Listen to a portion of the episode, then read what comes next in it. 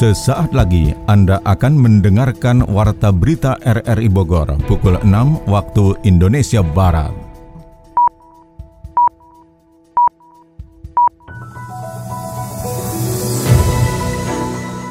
Selamat pagi. Saudara, kita bersua kembali lewat Warta Berita Senin 30 Agustus 2021. Siaran ini juga dapat Anda dengarkan melalui audio streaming RRI Play dan juga bisa Anda dengarkan kembali melalui podcast kami di Spotify, Anchor, Podtail, dan Google Podcast. Warta berita RRI Bogor ini juga turut disiarkan Radio Tegar Beriman, Kabupaten Bogor. Berikut kami sampaikan berita utama. Penurunan level PPKM dari 4 ke level 3 berdampak positif pada peningkatan usaha pariwisata dan kuliner. Dan untuk bagi pelaku usaha, saya berharap juga jangan patah semangat. Artinya kemarin kan dicoba juga ada relaksasi-relaksasi yang diberikan pemerintah. Arus lalu lintas di kawasan Puncak Bogor pada libur akhir pekan kemarin meningkat drastis menyusul penurunan level PPKM. Pada prinsipnya menyarankan dan mengimbau masyarakat untuk tetap di rumah saja, ya menghabiskan waktu bersama keluarga daripada ke tempat-tempat wisata yang akhirnya berkerumun. Perhimpunan Dokter Ahli Penyakit Dalam Indonesia PAP di Bogor mengingatkan akan kemungkinan gelombang ketiga COVID-19 yang lebih buruk. Perubahan ini adalah hasil kerja kita semuanya, nggak bisa pemerintah sendiri, masyarakat sendiri. Jadi kalaupun sudah tercapai kita harus waspada. Bersama saya Mukhlis Abdillah, inilah Warta Berita selengkapnya.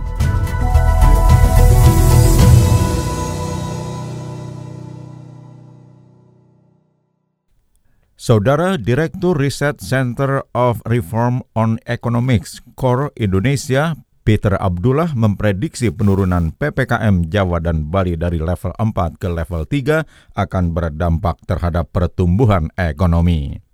Ia memperkirakan pertumbuhan ekonomi di kuartal ketiga akan bergerak ke jalur positif setelah terjadi pelonggaran. Mengutip Tempo.co, Peter mengatakan pelonggaran aktivitas ekonomi akan mendorong kembali konsumsi masyarakat. Pertumbuhan ekonomi di tri pertumbuhan ekonomi di triwulan ketiga bisa diyakini akan tetap positif dibantu perbaikan September nanti. Menurutnya, saat ini sejumlah sektor ekonomi telah siap untuk kembali melakukan reaktivasi walaupun bertahap, khususnya sektor industri yang bergerak di bidang esensial.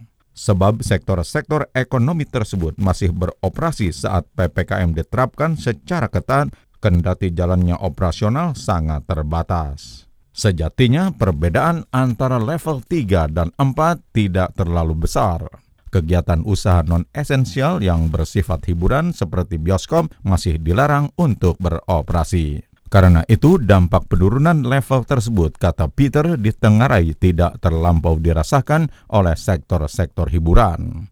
Pada level 3 ini, sektor-sektor yang diizinkan beroperasi relatif sama, tetapi diberi ruang gerak yang sedikit lebih besar. Presiden Jokowi resmi menurunkan status PPKM level 4 untuk wilayah Jawa dan Bali ke level 3. Pelonggaran berlaku efektif mulai Selasa 24 Agustus hingga Senin ini. Penurunan level PPKM tersebut di antaranya disebabkan oleh berkurangnya jumlah kumulatif kasus positif hingga 78 persen sejak puncak kasus pada 15 Juni lalu.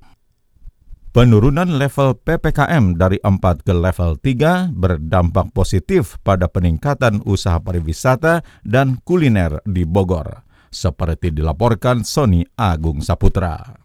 Pemerintah pusat dan daerah yang memperlakukan penurunan level PPKM dari level 4 ke level 3 pada akhir pekan ini berdampak positif pada usaha pariwisata dan kuliner. Mereka mulai mendapatkan penghasilan. Pantauan RRI akhir pekan kemarin sektor pariwisata di Bogor termasuk kuliner mulai bergeliat di mana usaha tersebut mulai banyak mendapatkan pengunjung dari warga dalam dan luar Jabodetabek. Ketua Kadin Kabupaten Bogor Sinta Desesawati menurut menuturkan keadaan sekarang memang sedang sulit karena dampak pembatasan dan pengetatan aturan terutama saat PPKM level 4 menyusul situasi darurat COVID-19.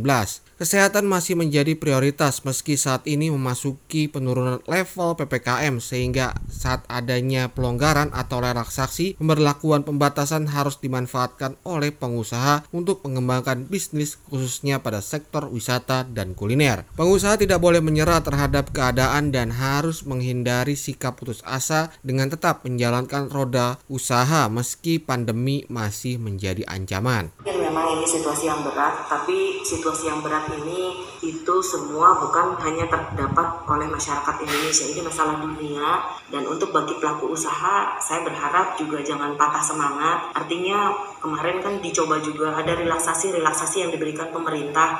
Itu juga kan cukup membantu kepada masyarakat untuk tidak kolaps untuk bisa tetap bertahan tetap survive. Untuk itu memang harus perlu adanya terobosan-terobosan dari pelaku usaha yang mana memang dengan situasi pandemi yang sekarang sedang melanda di seluruh dunia. Selain itu, Kadin Kabupaten Bogor Ujar Sinta juga terus melakukan edukasi prokes agar seluruh pengusaha tidak mengabaikan faktor keselamatan dan keamanan pelanggan dan tetap berupaya memutus mata rantai penyebaran virus corona. Sementara itu pengelola salah satu kafe di kawasan Jalan Alternatif Sentul, Lingga Liliana menuturkan dalam masa pandemi COVID-19 ini dirinya terus berusaha melayani pelanggan yang datang ataupun memesan secara online. Pengembangan bisnis juga tetap dilakukan sehingga bisa memberdayakan karyawan meski penghasilan kembang kempis. Undangannya ya tetap yang utama pasti kesehatan ya, walaupun kita juga pelaku bisnis ya tetap semuanya kembali kesehatan walaupun bisnis jalan tapi kesehatan mati ya nggak ada yang datang juga kita tetap menghormati keputusan pemerintah tapi ya dengan turun levelnya ya harapannya pasti bisa lebih meningkat lagi secara pendapatan.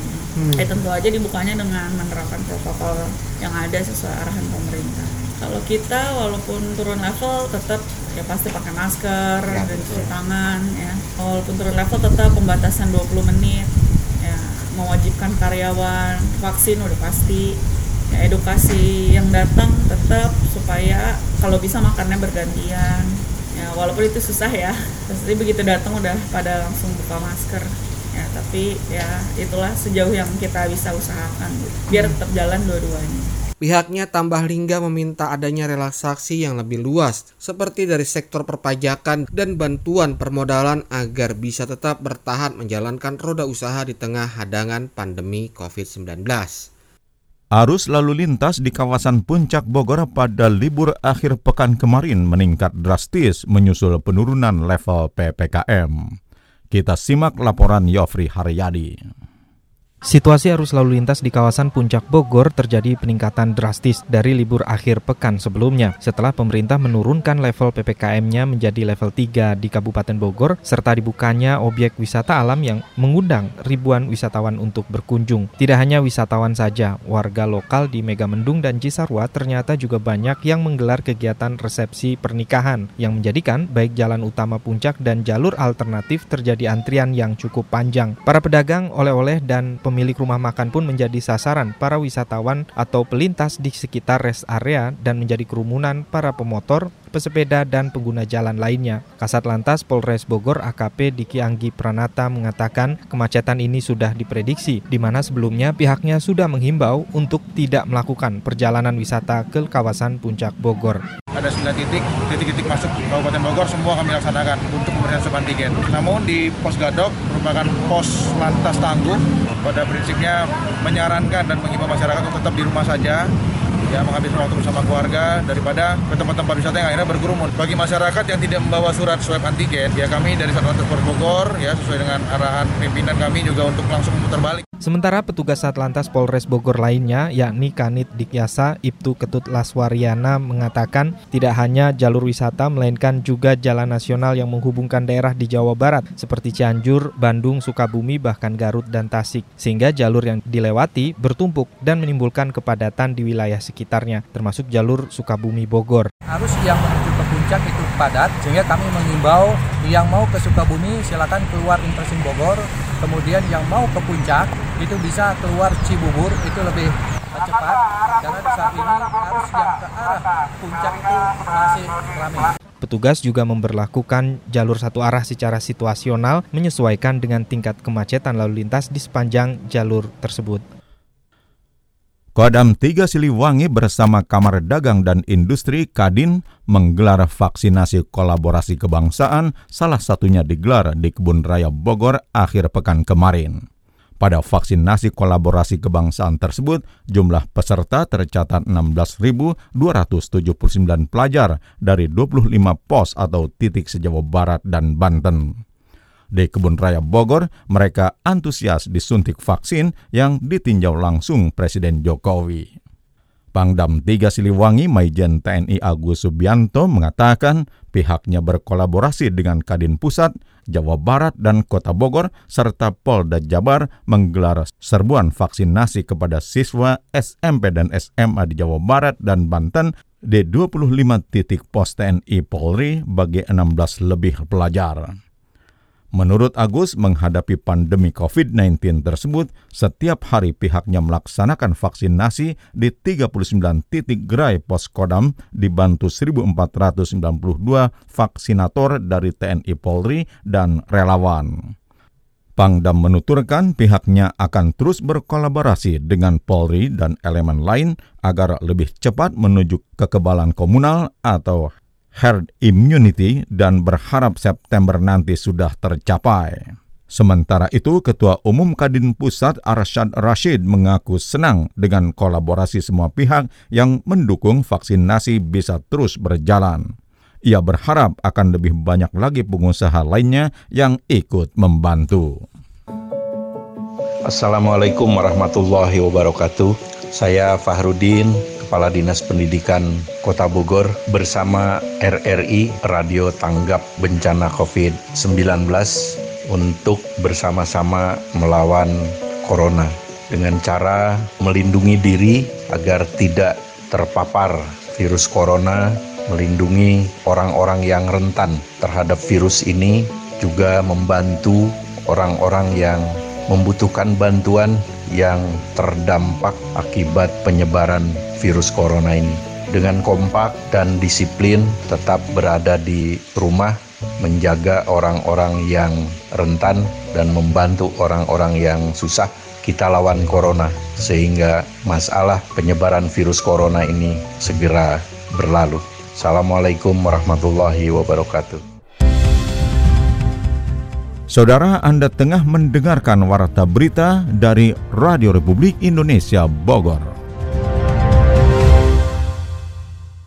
Pembelajaran tatap muka PTM terbatas dirasakan semakin mendesak untuk segera diimplementasikan tak terkecuali bagi jenjang pendidikan tinggi. Mendukung hal tersebut, Kemendikbudristek bahkan telah meresmikan lanjutan bantuan uang kuliah tunggal UKT beberapa waktu lalu untuk mendukung pelaksanaan PTM terbatas itu. Mendikbudristek Nadim Anwar Makari mengingatkan berhasil tidaknya pelaksanaan PTM terbatas sangat tergantung pada komitmen mahasiswa sendiri untuk saling menjaga dan melindungi melalui disiplin penerapan prokes. Pihaknya mendorong kampus-kampus yang berada di wilayah PPKM level 1 hingga 3 untuk segera melaksanakan PTM terbatas bagi mahasiswa. Sementara untuk daerah di level 4 masih harus belajar dari jarak jauh.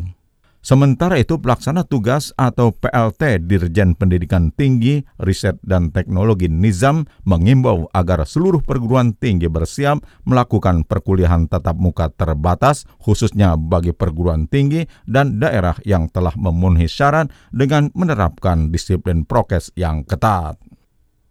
Perhimpunan Dokter Ahli Penyakit Dalam Indonesia PAPDI Bogor mengingatkan akan kemungkinan gelombang ketiga COVID-19 yang lebih buruk. Laporan selengkapnya disampaikan Sony Agung Saputra. Perhimpunan Dokter Ahli Penyakit Dalam Indonesia PAP di Bogor mengingatkan akan kemungkinan gelombang ketiga COVID-19. Pandemi COVID-19 belum kunjung berakhir meski saat ini sudah terjadi penurunan angka positif dan meninggal di hampir seluruh wilayah Indonesia termasuk di Bogor. Ancaman virus mematikan itu masih nyata setelah serangan gelombang pertama dan kedua yang berlangsung dalam satu setengah tahun ini. Ketua Perhimpunan Dokter Ahli Penyakit Dalam Indonesia PAPDI Bogor Dr. Erwanto mengingatkan gelombang ketiga bisa saja terjadi jika masyarakat mengabaikan protokol kesehatan saat berlangsungnya PPKM level 3 ini. Jika terjadi serangan gelombang ketiga pandemi COVID-19 dengan kemungkinan mutasi varian baru bisa saja mengakibatkan kolapsnya dunia ekonomi, sosial, kemasyarakatan, bahkan pendidikan dan juga kesehatan. Saat ini saja gelombang kedua menyerang sudah mengakibatkan kurangnya pasokan oksigen dan obat-obatan sehingga angka kematian di Indonesia sempat tinggi mencapai 2000 orang per hari.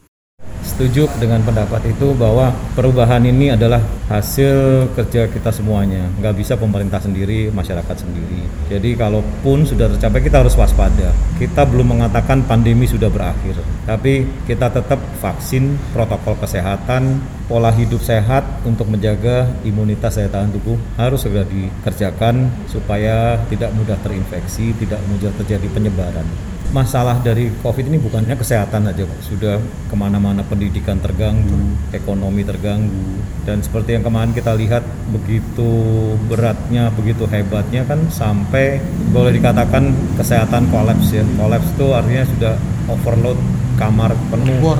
Oksigen susah, ya obat juga susah. Nah ini mudah-mudahan kalau tidak terjadi, kalau terjadi lagi, saya kira dampaknya lebih besar ke arah ekonomi, sosial dan lain-lainnya tentu saja gelombang ketiga akan lebih berat daripada gelombang kedua karena pulihnya gelombang kedua hmm. belum seperti gelombang satu. Baru. Iya. Sementara itu Wali Kota Bogor Bima Arya menyatakan wilayahnya sudah melewati puncak gelombang kedua COVID-19 karena angka saat ini cenderung menurun dengan angka positif sekitar 100 orang per hari. Pihaknya ujar Bima juga mewaspadai serangan gelombang ketiga dengan tetap berupaya menegakkan aturan prokes pada PPKM level 3 ini. Bukan tidak mungkin akan terjadi gelombang ketiga, tapi kalau pertanyaannya apa kita sudah melewati gelombang kedua? Iya, kita sudah melewati gelombang kedua dan kita bertahan menjaga ini supaya tidak ada gelombang ketiga. Aparat TNI Polri di Kota Bogor juga masih menegakkan aturan prokes lewat kebijakan ganjil genap dan mengoptimalkan pengawasan di tingkat mikro hingga RT RW sehingga masyarakat bisa menjaga 5M yakni memakai masker, menjaga jarak, mencuci tangan, menjauhi kerumunan dan membatasi mobilitas.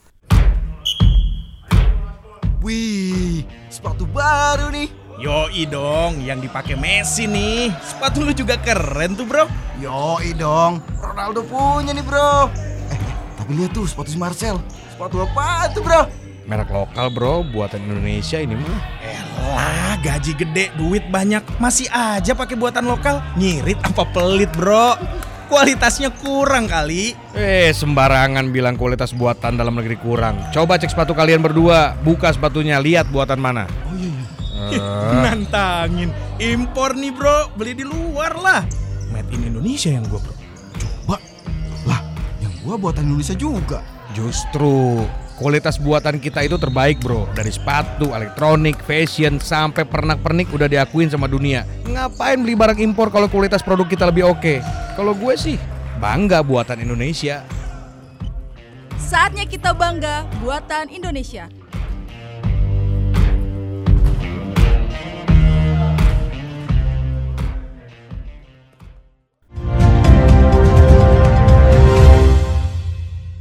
Kemendikbudristek berkolaborasi dengan kementerian dan lembaga pemerintah terkait memberikan kesempatan bagi guru honorer untuk menjadi guru ASN pegawai pemerintah dengan perjanjian kerja P3K. Rekrutmen guru ASN P3K dilakukan sebagai upaya pemerintah dalam mengatasi masalah kekurangan guru. Sekretaris Ditjen Guru dan Tenaga Kependidikan Nunuk Suryani menuturkan pemerintah memberikan kesempatan yang adil dan demokratis bagi semua guru honorer untuk bisa menjadi ASN P3K. Sebanyak 437 ribu atau 59 persen guru honorer di sekolah negeri telah berusia di atas 35 tahun sehingga tidak bisa mendaftar sebagai PNS. Untuk itu, rekrutmen guru ASN P3K merupakan kebijakan keberpihakan pemerintah terhadap guru honorer dan jika sudah menjadi guru ASN P3K, mereka ujar Nunuk berhak mendapatkan penilaian kinerja, penggajian, tunjangan, pengembangan kompetensi, dan penghargaan. Menurutnya, untuk menjaga kualitas guru, undang-undang menggarisbawahi bahwa untuk menjadi ASN P3K, para guru honorer tetap harus melalui proses seleksi, bukan berdasarkan rekomendasi. Disebutkannya, pemerintah membuka hingga satu juta lowongan atau formasi. Namun jika yang lulus seleksi hanya 100 ribu, 100 ribu itulah yang diangkat menjadi P3K karena tidak ada kompromi untuk kualitas pendidikan bagi anak-anak bangsa. Sementara itu, Wakil Ketua Komisi 10 DPR RI Agustina Wilujeng Pramestuti mengatakan proses pengangkatan guru honorer menjadi ASN P3K tidak hanya berada di tangan Kemendikbudristek, tetapi ada di berbagai kementerian termasuk Kementerian PAN-RB, Kementerian Dalam Negeri, Kementerian Keuangan, dan Badan Kepegawaian Nasional BKN. Wali Kota Bogor Bima Arya mengatakan ia masih kerap melihat, merasakan, dan mendapat laporan dari warga tentang oknum ASN yang saat menjalankan tugasnya melayani masyarakat tidak ramah dan mempersulit warga. Walaupun memang masih banyak ASN yang menjalankan tugasnya dengan baik, namun oknum-oknum tersebut tidak ada yang namanya memudahkan, tetapi sebaliknya malah mempersulit. Pada webinar penguatan peran ASN terhadap Perda nomor 3 2015 tentang bantuan hukum bagi masyarakat miskin, Bima mengingatkan ASN bertugas untuk melayani warga. Kita tegasnya adalah pelayan publik, mengabdi, melayani warga karena warga negara dijamin haknya. Ia sering menegur jika ada aparatur yang tidak memperjuangkan hak warga, apalagi di masa sulit seperti sekarang ini. Bima mengingatkan Perda nomor 3 tahun 2015 yang dibuat dengan anggaran, tenaga, dan pikiran harus dirasakan warga. Ia meminta aparatnya di wilayah untuk menyosialisasikan perda tersebut sehingga warga dapat difasilitasi dalam hal bantuan hukum. Pemerintah Kota Bogor menggandeng Universitas Pakuan dan IPB University menyusul temuan terowongan kuno di bawah saluran air atau drainase di Jalan Nyiraja Permas Bogor Tengah, Kota Bogor. Berdasarkan hasil pengecekan Dinas Pekerjaan Umum dan Penataan Ruang PUPR, diduga terowongan tersebut dibangun pada zaman kolonial Belanda. Wali Kota Bogor Bima Arya usai melakukan pengecekan saluran air bawah tanah itu kemarin melihat ada peta di dinas tersebut yang menunjukkan bangunan saluran air bawah tanah tersebut. Terkait temuan itu, hal pertama yang harus dilakukan, kata Bima, adalah memastikan fungsi saluran, apakah saluran air atau memiliki fungsi lainnya. Untuk lebih memastikannya, pihaknya ujar Bima telah berkomunikasi dengan Universitas Pakuan dan IPB University guna mendeteksi luas dan panjang saluran tersebut dengan menggunakan alat penunjang. Ia juga menginginkan dilakukannya kajian guna mengetahui apakah saluran bawah tanah tersebut memungkinkan direvitalisasi dan difungsikan kembali. Menurutnya, pada 2016 lalu Kota Bogor sudah memiliki master plan drainase. Oleh karena itu, saluran bawah tanah tersebut harus disesuaikan mengingat lokasi penemuan termasuk dalam kawasan yang akan ditata pembangunan alun-alun, Masjid Agung, dan pengembangan stasiun kereta api Bogor.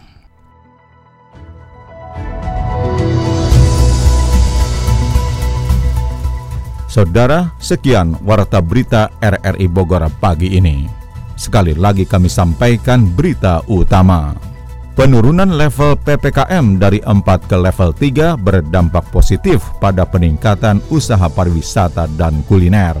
Arus lalu lintas di kawasan Puncak Bogor pada libur akhir pekan kemarin meningkat drastis menyusul penurunan level PPKM. Perhimpunan Dokter Ahli Penyakit Dalam Indonesia PAP di Bogor mengingatkan akan kemungkinan gelombang ketiga COVID-19 yang lebih buruk. Siaran ini dapat Anda dengarkan kembali melalui podcast kami di Spotify, Anchor, Podtail, dan Google Podcast. Saya Muhlis Abdillah merangkap Desk Editor bersama penata teknik Mahdi Nur mengucapkan terima kasih atas kebersamaan Anda. Selamat pagi.